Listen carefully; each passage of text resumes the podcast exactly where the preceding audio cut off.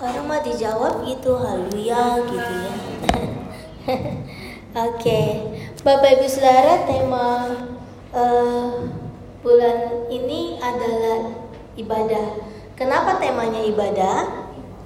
Karena bulan Maret inilah bulan pertama kali GPDI Melbourne uh, berdiri atau dimulai. Maka kita mau mengingat ini bahwa GPDI Melbourne ada untuk setiap anak Tuhan boleh beribadah dengan sungguh-sungguh. Amin.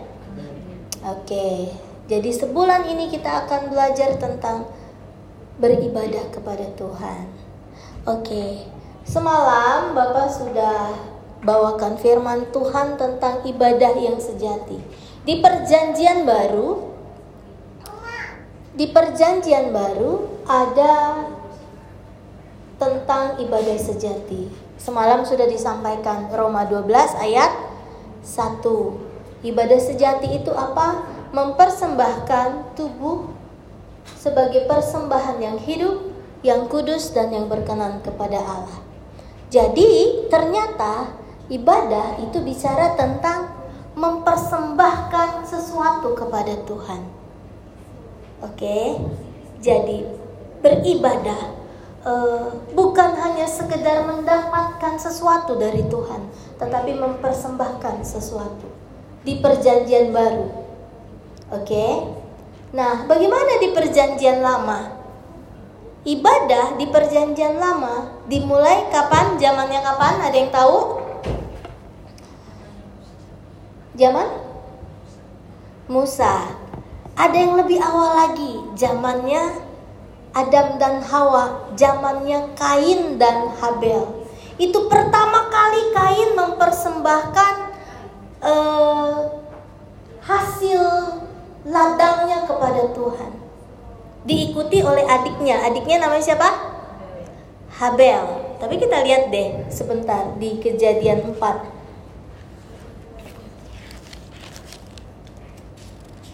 ayat 3 dan 4.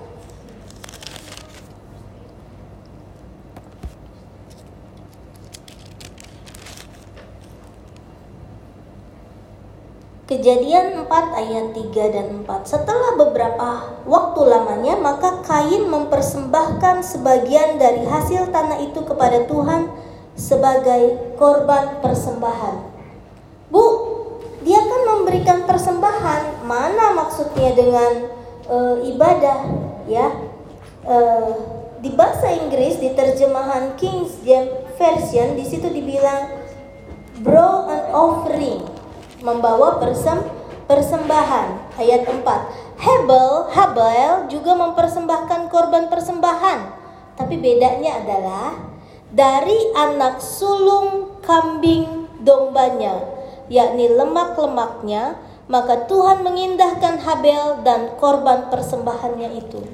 Jadi yang membedakan persembahan Kain dan persembahan Habel, ibadahnya Kain dan ibadahnya Habel adalah Kain mempersembahkan hasil tanamannya.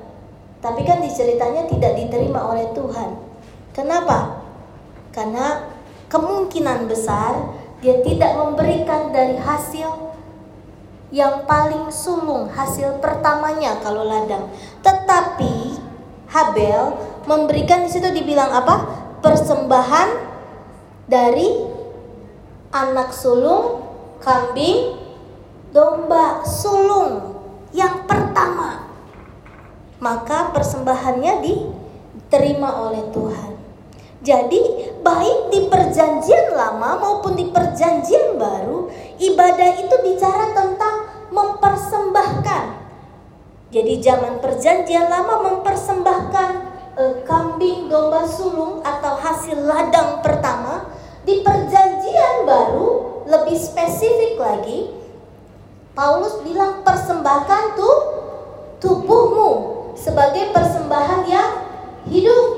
Jadi bukan tubuh yang mati, tetapi tubuh yang ku, kudus. Yang hidup, yang kudus, yang berkenan kepada Allah. Jadi bukan cuma hidup aja. Ya, saya sering bilang kalau aku rela mati buat uh, Melisa, gampang. Saya kasih semua hidup saya. Dia mau nyebrang, saya jagain jalan. Biar saya yang ditabrak duluan. Itu namanya mati buat Melisa. Tapi kalau saya harus hidup buat Melisa, itu berat. Kenapa? Saya harus urus hidup dia. Saya harus urus makan dia. Saya harus hidup ren, uh, urus ren dia tiap minggu. Saya harus urus kewajiban-kewajiban dia yang lain sampai dia mati. Itu namanya mati buat Melisa. Jadi yang mau nikah pikir-pikir ya. Itu artinya jadi kalau ada orang yang mau menikah sampai maut memisahkan, dengerin nih yang mau menikah nih ya. Sampai maut memisahkan, rasain itu perjanjian maut.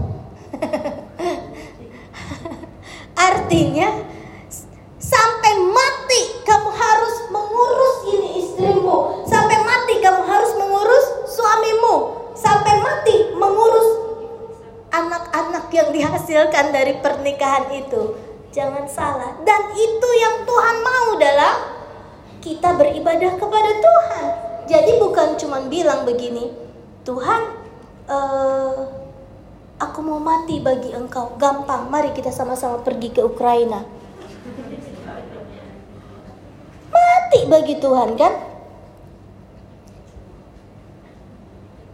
Kita pergi ke negara-negara eh, ke tetangga-tetangga sepupu kita dan beritakan kabar Injil.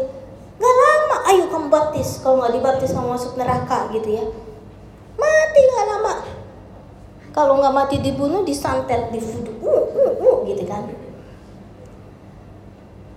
Tapi kalau kita harus hidup buat Tuhan, itu yang susah. Apa artinya? Day by day, hidup sesuai firman Tuhan hari demi hari hidup kudus buat Tuhan. Hari demi hari ber, makin berkenan kepada Tuhan. Kan susah. Hari ini berkenan Tuhan, besok nggak dulu ya. Besok kayaknya saya mau lakukan dosa sedikit lah Tuhan.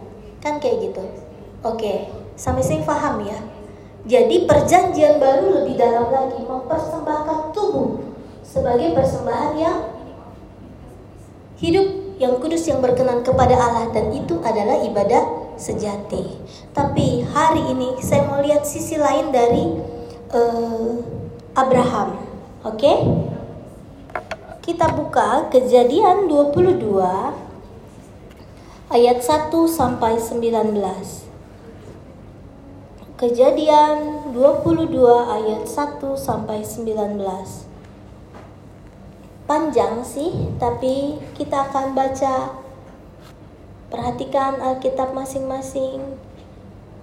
Buka Alkipon, Alkipet, dan al-al yang lain. Alkitab ya. Demikian firman Tuhan. Judulnya adalah kepercayaan Abraham diuji. Iman Abraham diu diuji. Kok gitu sih? Nah, belum baca dulu nih. Kok gitu sih? Kenapa Abraham imannya diuji? Kan gini, Tuhan bilang, kalau aku datang yang kedua kali ke muka bumi ini, pertanyaannya cuma satu. Adakah iman di muka bumi ini? Artinya, makanya kenapa hari demi hari hidup kita menghadapi ujian karena nanti pada saat Tuhan datang yang kedua kali ditanya ada nggak iman di muka bumi ini? Kita belajar hari ini bagaimana dalam ibadahnya Abraham dia diuji imannya supaya ibadahnya menjadi ibadah yang sejati di hadapan Allah. Oke. Okay. Baru nih baca nih, beneran ini baca ya. Setelah semuanya itu, Allah mencoba Abraham. Ia berfirman kepadanya, "Abraham," lalu sahutnya, "Ya Tuhan." Tapi kalau di King James Version, Abraham tuh jawabnya, Here I am. Bukannya lagu anak-anak. Here I am, here I am. I love you. Bukan gitu ya. Kalau di terjemahan uh, King James dibilang, Here I am, aku di sini Tuhan. Ibadah itu ada di sini. Dipanggil setiap waktu sama Tuhan, ada. Oke, ayat 2. Firmannya, ambillah anakmu yang tunggal itu yang engkau kasihi, yakni Ishak. Pergilah ke tanah Moria dan persembahkanlah dia di sana sebagai korban bakaran pada salah satu gunung yang akan kukatakan kepadamu. Keesokan harinya pagi-pagi bangunlah Abraham, ia memasang pelana keledainya dan memanggil dua orang bujangnya beserta Ishak anaknya. Ia membelah juga kayu untuk korban bakaran itu, lalu berangkatlah ia dan pergi ke tempat yang dikatakan Allah kepadanya. Ketika pada hari ketiga Abraham melayangkan pandangnya kelihatanlah kepadanya tempat itu dari jauh. Kata Abraham kepada kedua bujangnya itu, "Tinggallah kamu di sini dengan keledai ini. Aku beserta anak ini akan pergi ke sana. Kami akan sembahyang. Sesudah itu kami akan kembali kepadamu." Lalu Abraham mengambil kayu untuk korban bakaran itu dan memikulkannya ke atas bahu Ishak anaknya sedang di tangannya dibawanya api dan pisau. Demikianlah keduanya berjalan bersama-sama. Lalu berkatalah Ishak kepada Abraham ayahnya, "Bapa," saud Abraham, "Ya anakku." Bertanyalah ia, "Di sini sudah ada api dan kayu, tapi di manakah anak domba untuk korban bakaran itu?" Saud Abraham, Allah yang menyediakan anak domba untuk korban bakaran baginya anakku. Demikianlah keduanya berjalan bersama-sama. Sampailah mereka ke tempat dikatakan Allah kepadanya.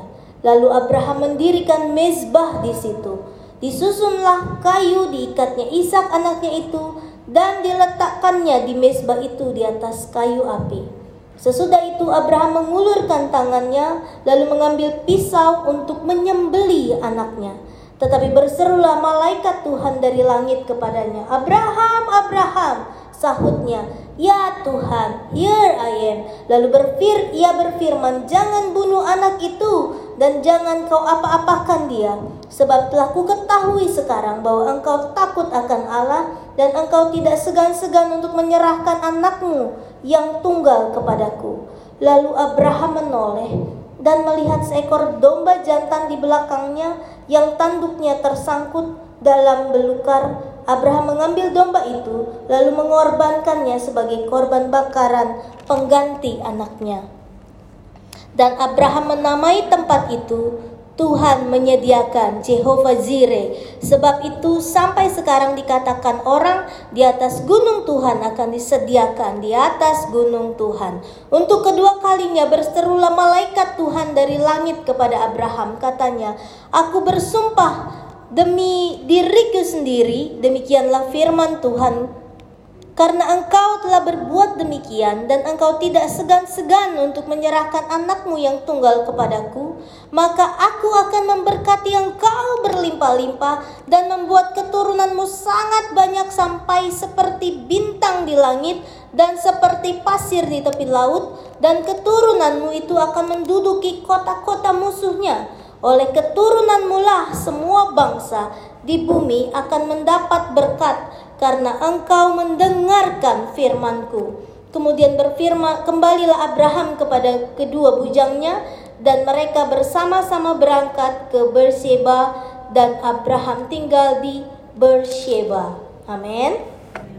Berbahagialah orang yang mendengar firman Tuhan dan melakukannya. Oke, kita bahas satu-satu sampai ayat 19. Jadi kira-kira sampai jam 1 lah ya. Alamak Jai katanya. Oke. Oke. Jadi begini. Kita lihat bagaimana Abraham beribadah sejati. Oke. Di ayat kedua di situ dibilang, "Ambillah anakmu yang tunggal itu yang engkau kasihi, yaitu Ishak, pergilah ke tanah Moria dan persembahkanlah dia di sana sebagai korban bakaran pada salah satu gunung yang akan kukatakan kepadamu. Jadi gini, ibadah itu apa sih? Yang pertama, catat ya. Ibadah itu apa sih? Datang kepada Tuhan walaupun engkau tidak mengerti apa-apa. Datang kepada Tuhan walaupun engkau nggak mengerti kapan masalahmu selesai. Datang kepada Tuhan walaupun engkau nggak ngerti nih firman Tuhan hari ini ibu ngomong apa sih. Datang kepada Tuhan walaupun kadang-kadang pujiannya rasanya nggak enak sekali ya. Pemusiknya orang yang kamu nggak suka ya yang khotbahnya orang yang kemarin baru menyakiti kamu ya. Lakukan walaupun engkau tidak mengerti. Sama seperti ketika Abraham dibilang Abraham, ambil anakmu persembahkan sebagai korban pagi, bukan. Korban petang, bukan. Tetapi sebagai korban bakaran. Terus tempatnya di mana? di Bukit Moria. Kamu harus meng, meng, meng, punya effort untuk sampai ke Bukit Moria. Jadi beribadahlah walaupun gak ngerti maksud Tuhan apa. Beribadahlah walaupun gak ngerti ini Tuhan masalahku akan selesai. Beribadahlah. Itu yang Tuhan mau dari sebuah ibadah. Yang kedua apa? Ayat ketiga. Keesokan harinya, pagi-pagi bangunlah Abraham. Ia memasang pelana di keledainya, memanggil dua orang bujangnya beserta Ishak, membelah juga kayu untuk korban bakaran. Berangkatlah ia pergi ke tempat yang dikatakan Allah kepadanya. Ibadah itu artinya persiapkan diri sebuah ibadah harus dilakukan walaupun engkau tidak mengerti. Yang kedua, yang namanya ibadah harus mempersiapkan diri. Ibadah harus mempersiapkan diri, bukan cuma sekedar uh, oke okay, uh, eh, bangun tidur uh, cuci mata dua terus pergi ke gereja. Lihat Abraham ketika beribadah di situ dibilang apa?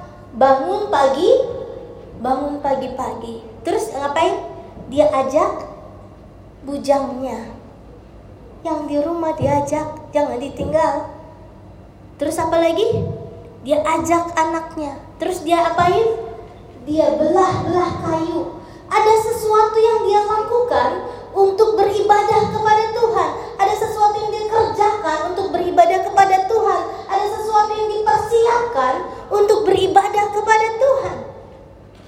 Kenapa? Karena dia tahu beribadah kepada Tuhan harus mempersembahkan sesuatu. Ketika mau mempersembahkan sesuatu, dipersiapkan dengan detail.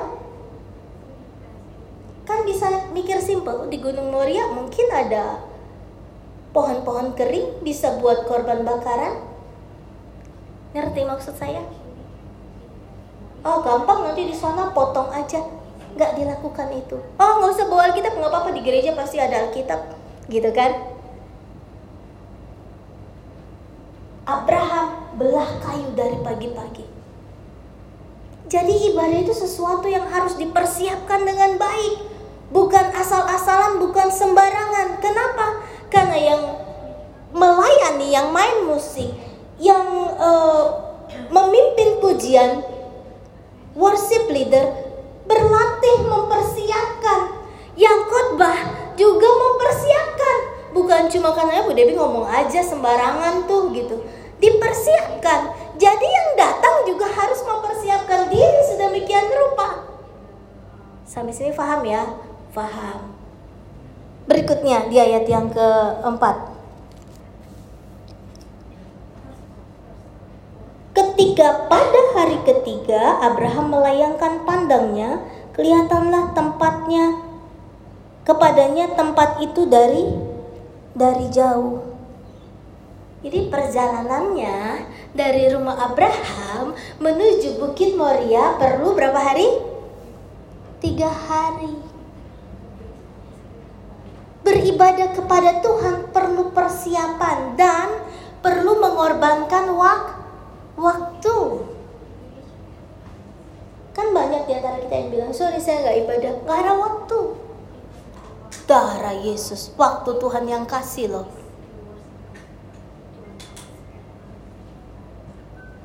Kita dari rumah ke gedung gereja ini perlu berapa hari?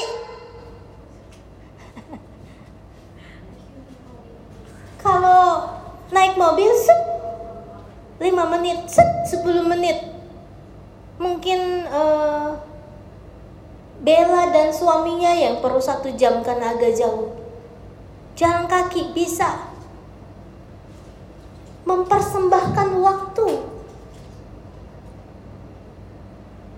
Kita tuh cuman satu jam, satu setengah jam kalau naik kereta mungkin dari sabab yang berjauhan. Tapi betapa banyaknya alasan kita untuk tidak beribadah. Makanya dari kisah firman Tuhan hari ini kita belajar bahwa ibadah juga perlu mempersembahkan waktu. Dan kita nih apa? Dua jam paling lama. Kalau saya lihat di YouTube paling satu jam 45 menit satu jam 53 menit. Jarang banget sampai dua jam bisa nggak kita bertahan? Diam. Memuji Tuhan sungguh-sungguh.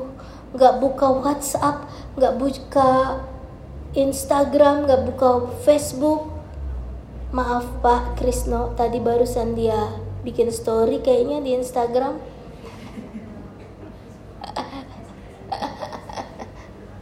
Bisa nggak kita tuh?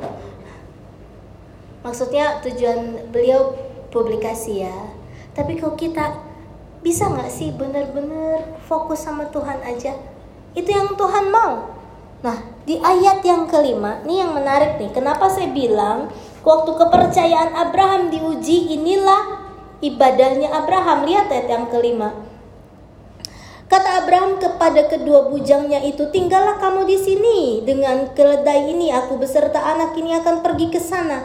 Kami akan sembayang Sesudah itu kami akan kembali kepadamu. Kalau di terjemahan King James di situ dibilang apa?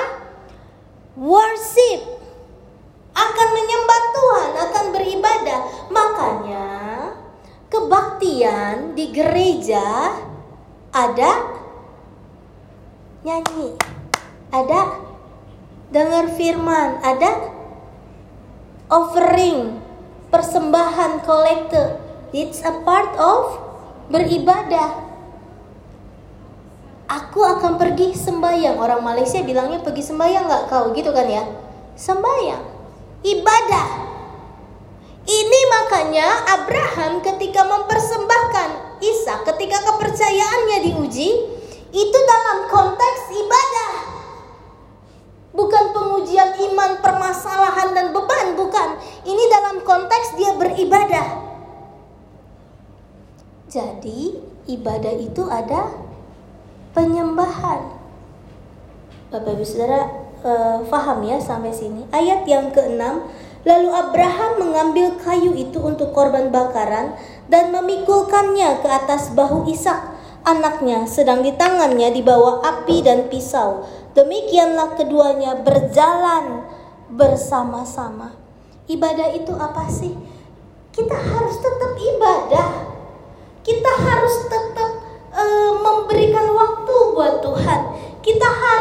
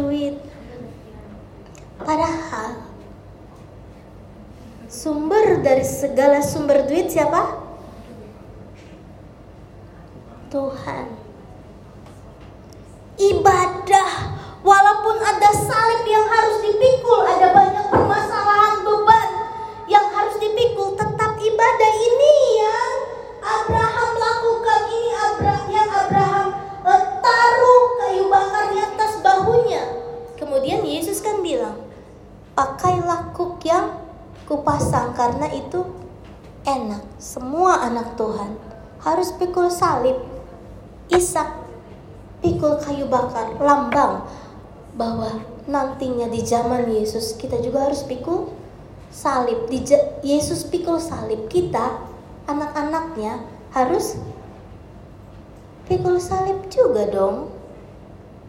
Masa nggak mau pikul salib? Masalahmu itu salibmu mungkin. Keadaan keluargamu mungkin itu salibmu keadaan pekerjaanmu mungkin itu salibmu. Meskipun banyak tetap beri beribadah dan Ishak nih nggak ngerti kenapa sih harus pikul kayu bakaran? Oke aku bawa aja. Oke mungkin bapakku capek waktu itu.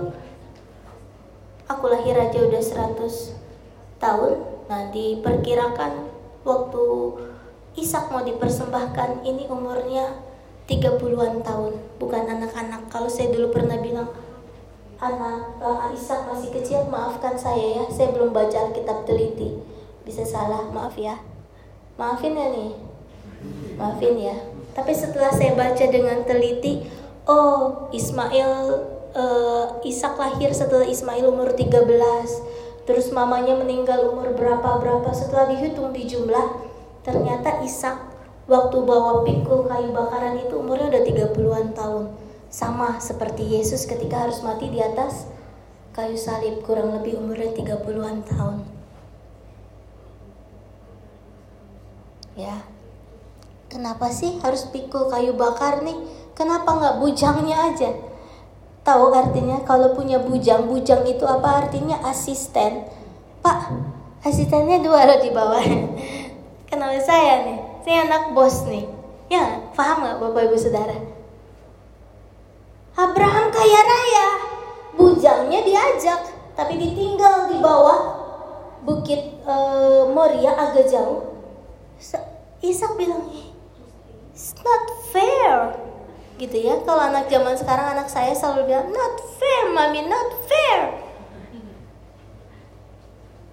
Ishak bisa bilang it's not fair. Kenapa aku yang pikul kayu bakar? Karena ada buat apa itu dua bujang, dua asistenmu? Kenapa nggak bawa coba? Kan gitu.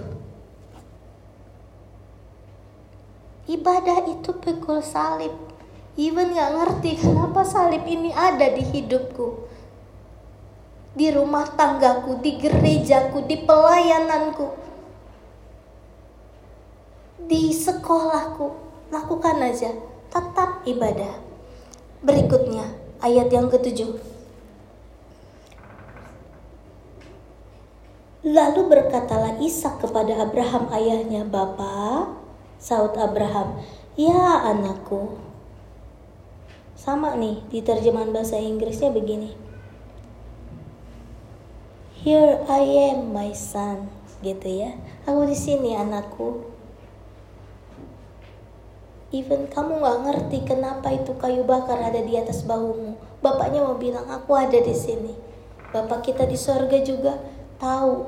Aku ibadah Tuhan. Tuhan Yesus baik sambil nangis. Orang nari-nari, dia narinya dikit aja karena beban terlalu banyak. Tuhan Yesus baik. He is so good to you. He is so good to me. Kenapa? because I feel nggak baik. Tapi Tuhan tahu engkau masih datang beribadah. Yesus bilang, here I am.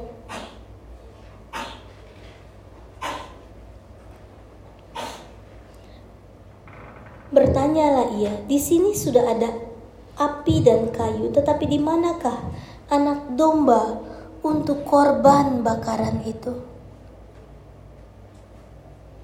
Ini pertanyaan Ishak. Ingat ya, Ishak 30-an umurnya. Ya, seumur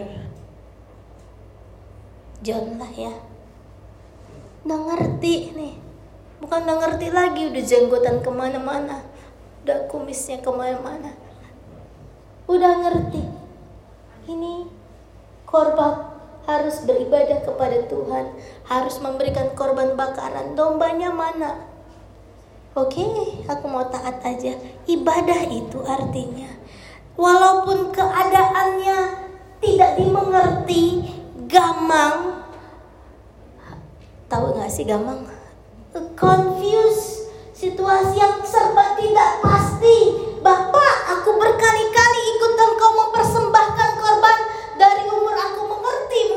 tahun sampai kemarin 30 tahun, 33 tahun Aku ngerti harus ada anak domba.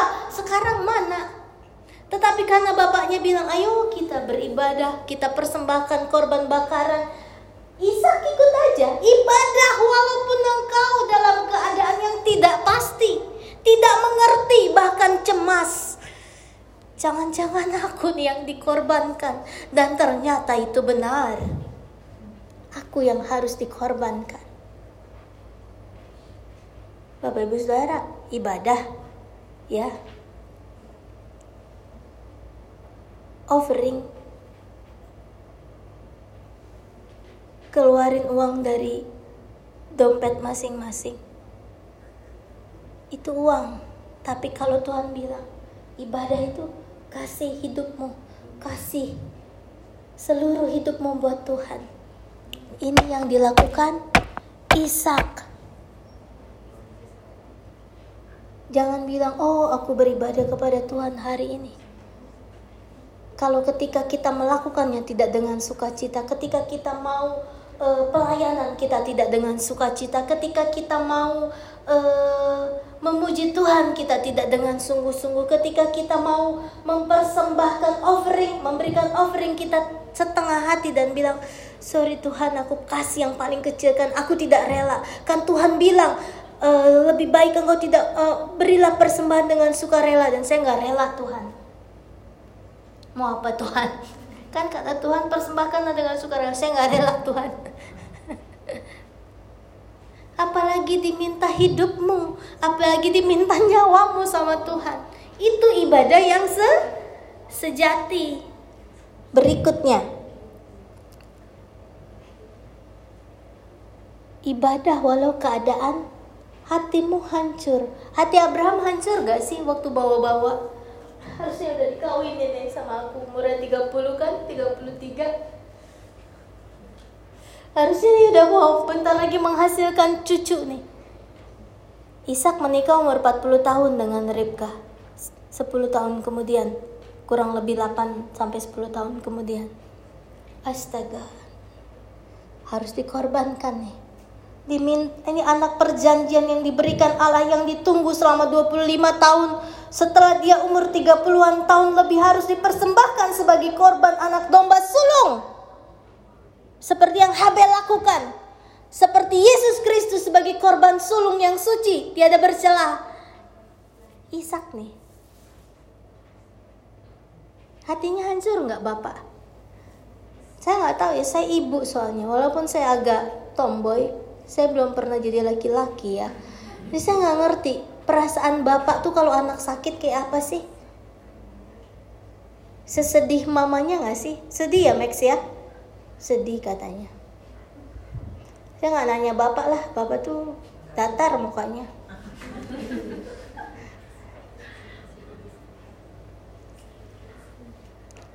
Saya tapi saya percaya hati bapak pun hancur sedih ketika tahu anaknya harus dikorbankan, ketika tahu bahwa Pak anak Bapak tidak akan selamat. Ya Bapak nangis dulu waktu Ken lahir, kecil ya. Karena kecil banget cuma satu kilo. Di, di gendongnya gini, oh sayang sayang. Ping. Eh tangkap gitu ya.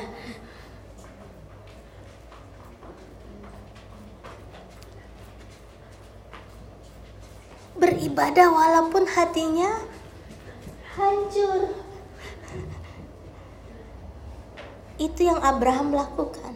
Jangan karena saya nggak ibadah dulu. Sedih, saya lagi sedih, saya lagi banyak masalah. Ya, kayaknya tantangan berat banget saya nggak ibadah dulu Tuhan. Salah.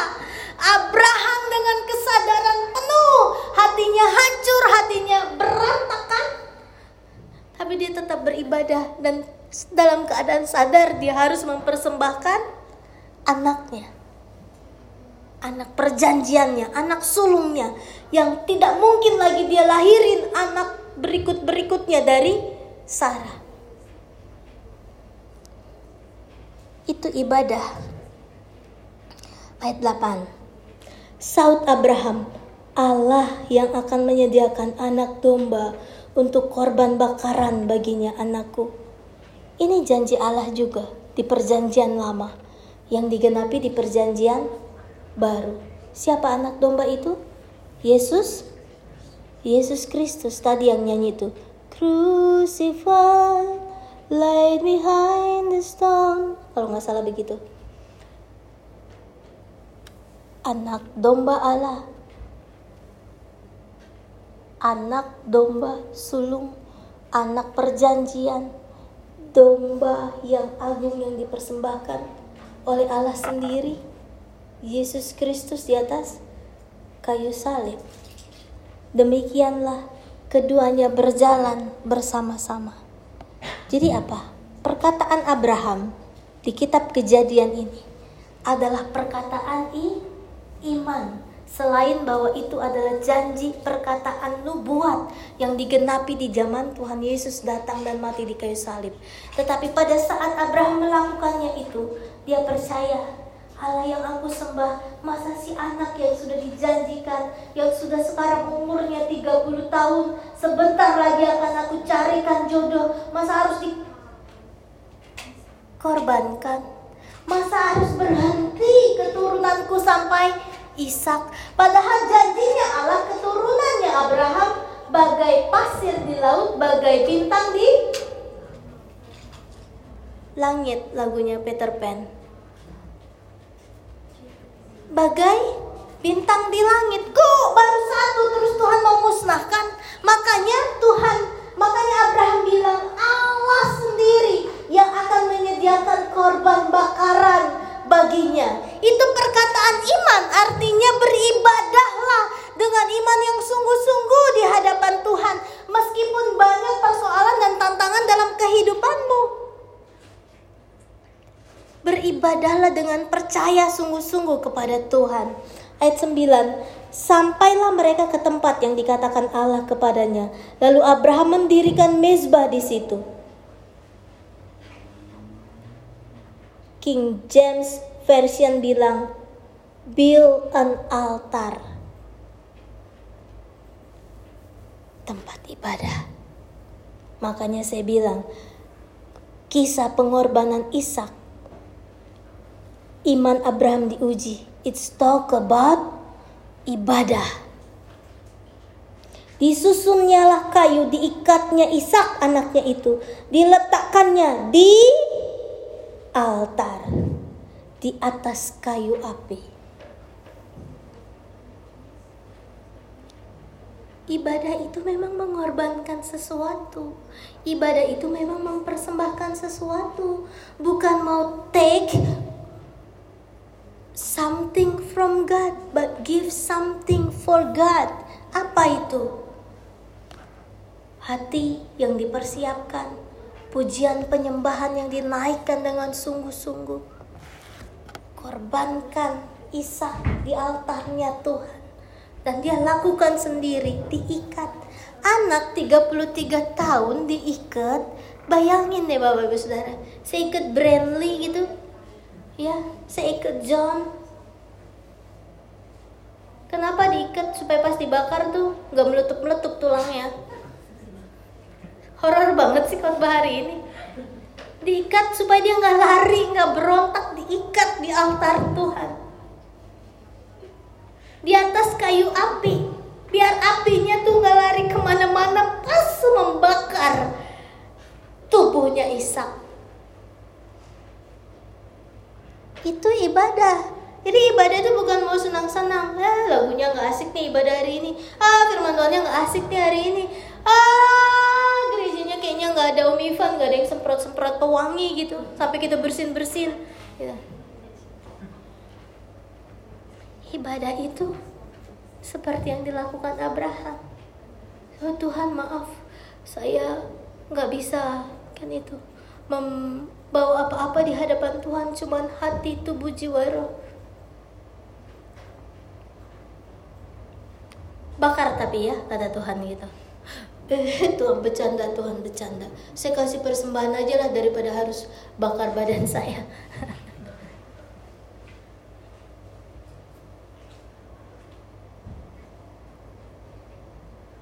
Artinya apa sih mempersembahkan nyawa anak itu? Harta yang paling berharga. Kan tahu tuh lagunya? Harta yang paling berharga adalah keluarga cemara itu ya. Harta yang paling berharga buat seorang ayah bukan istri. Maaf ya para istri. Udah ngalamin kan pulang yang dicari anaknya? Eh anak mana anak gitu. Gue, oh, ada gue nggak lahir ya.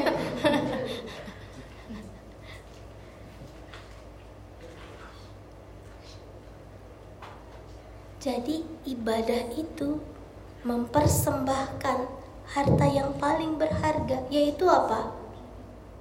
Saya nggak bicara soal uang, saya tahu apa yang sudah masuk di dompet saudara akan susah keluar.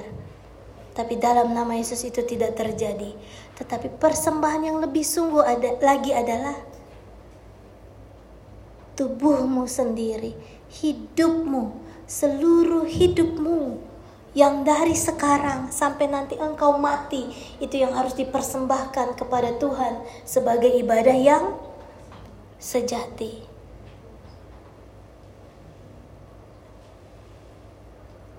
Kita lompat ke ayat 12. Lalu ia berfirman, "Jangan bunuh anak itu dan jangan kau apa-apakan dia." Ini malaikat berbicara. Sebab telah ku ketahui sekarang bahwa engkau takut akan Allah dan engkau tidak segan-segan untuk menyerahkan anakmu yang tunggal kepadaku. Kadang-kadang Tuhan memang cuma pura-pura ya. Minta, tapi habis itu nggak tega juga. Ya, nggak bercanda-bercanda gitu ya. Tuhan gak apa-apa nih Ishak aku persembahkan. Udah aku ikat dia di atas kayu api, di atas altar. Uh nih ya, kalau kita pernah lihat babi panggang satu ekor penuh eh di atas gitu. Udah diikat. Terus dalam keadaan hidup gitu ya. Kan dalam keadaan hidup nih dibakar sampai mati bukannya digorok. Nah terus kita bilang terus Tuhan bilang begini maaf maaf bercanda ya. Nggak jadi nggak jadi gitu. Kenapa? Prank kata bapak di surga. It's a prank.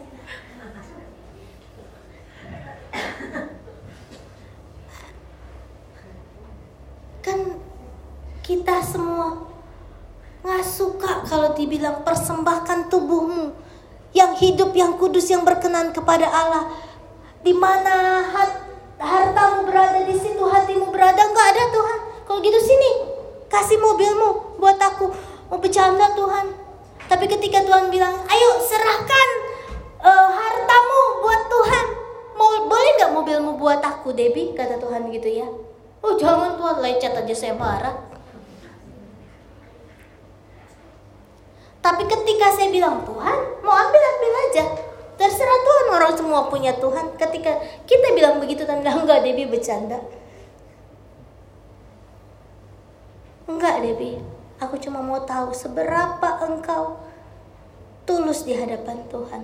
Terus saudara bilang, oh ya berarti sekarang Tuhan bilang persembahkan tubuh bercanda ya? Nggak gitu, konsepnya nggak gitu Bapak Ibu Saudara. Kalau kita sadar nyawa kita punya Tuhan, dari Tuhan. Nafas kita dari Tuhan. Kita bisa berdiri karena Tuhan. Kita bisa bekerja karena Tuhan. Kita ketemu jodoh yang baik karena Tuhan rumah tangga kita dalam keadaan baik-baik saja karena Tuhan. Sekolah kita selesai karena Tuhan. Semua karena Tuhan. Maka kita akan bilang sama Tuhan, Tuhan kamu mau minta apa? Ini semua punya engkau. Balikin sama Tuhan. Itu ibadah sejati kalau merasa mikir, saya, bahkan saya mau bilang hari ini, kalau kita rela lakukan itu, baru Tuhan bilang, Aku menyediakan yang persembahan gantinya, yaitu siapa? Anak domba yang kesangkut zaman zaman Abraham. Tapi di dalam perjanjian baru itu Yesus sendiri dan kita sekarang pada saat kita secara sadar mempersembahkan hidup kita, tubuh kita yang hidup kepada Tuhan. Tuhan yang akan ambil alih seluruh kehidupanmu kepada yang terbaik yang sudah Tuhan siapkan. Bukankah banyak di antara kita yang terima berkat Tuhan dalam pengiringan akan Tuhan? Amin. Ketemu jodoh, dapat anak, dapat izin tinggal, dapat pekerjaan yang terbaik. Itu semua apa? Ganti dari apa yang engkau lakukan dalam ibadah. Ganti yang Tuhan yang engkau lakukan ketika engkau mempersembahkan hidupmu kepada Tuhan memberikan korban syukurmu kepada Tuhan. Itu namanya ibadah makanya Tuhan ganti-gantiin. Kalau kamu hitung-hitungan sama Tuhan dalam beribadah Tuhan juga hitung-hitungan dalam memberkati engkau. Hitung-hitungan dalam menolong engkau. Hitung-hitungan dalam membuka jalan. Ngerti nggak nih? Marah-marah ayat 14 Jawa eh, salah ayat 14 dan Abraham menamai tempat itu Tuhan menye, menyediakan Lord is provider. The Lord will provide. Yehova Zire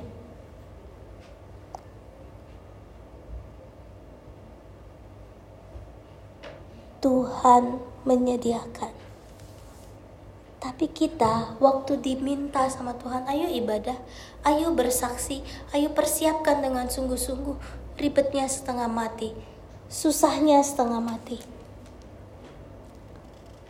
Ada berkat dari ibadah. Ayat 16-17 supaya cepat ya. Aku bersumpah demi diriku sendiri demikianlah firman Tuhan. Karena engkau telah berbuat demikian dan engkau tidak segan-segan menyerahkan anakmu yang tunggal kepadaku, maka janji dari ibadah adalah Berkat dari ibadah adalah aku akan memberkati engkau berlimpah, limpah membuat keturunanmu sangat banyak. Terus seperti bintang di langit, seperti pasir di laut. Terus yang penting lagi nih berikutnya, keturunanmu akan menduduki kota-kota musuh. Artinya kita beribadah hari ini, tetapi nanti Ken, anaknya Ken, cucu saya cucunya Ken, cicit saya itu akan menduduki kota-kota dari keturunan pertama sampai berikutnya akan menjadi umat pemenang.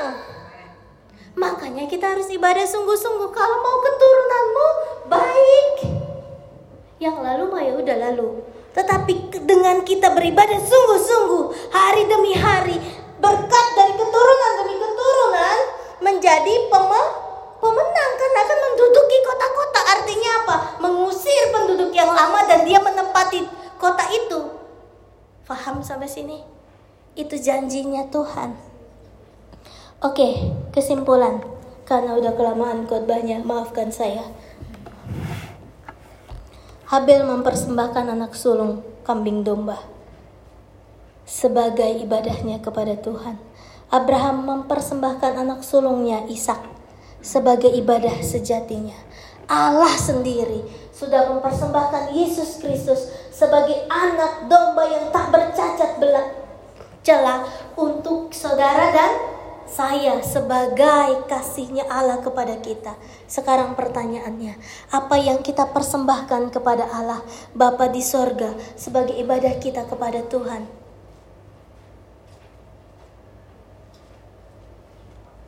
Selama worship pikiran melayang-layang, sementara firman Tuhan disampaikan ngantuk, sementara waktu memberikan persembahan cari yang warna pink aja, Kalau perlu yang koin,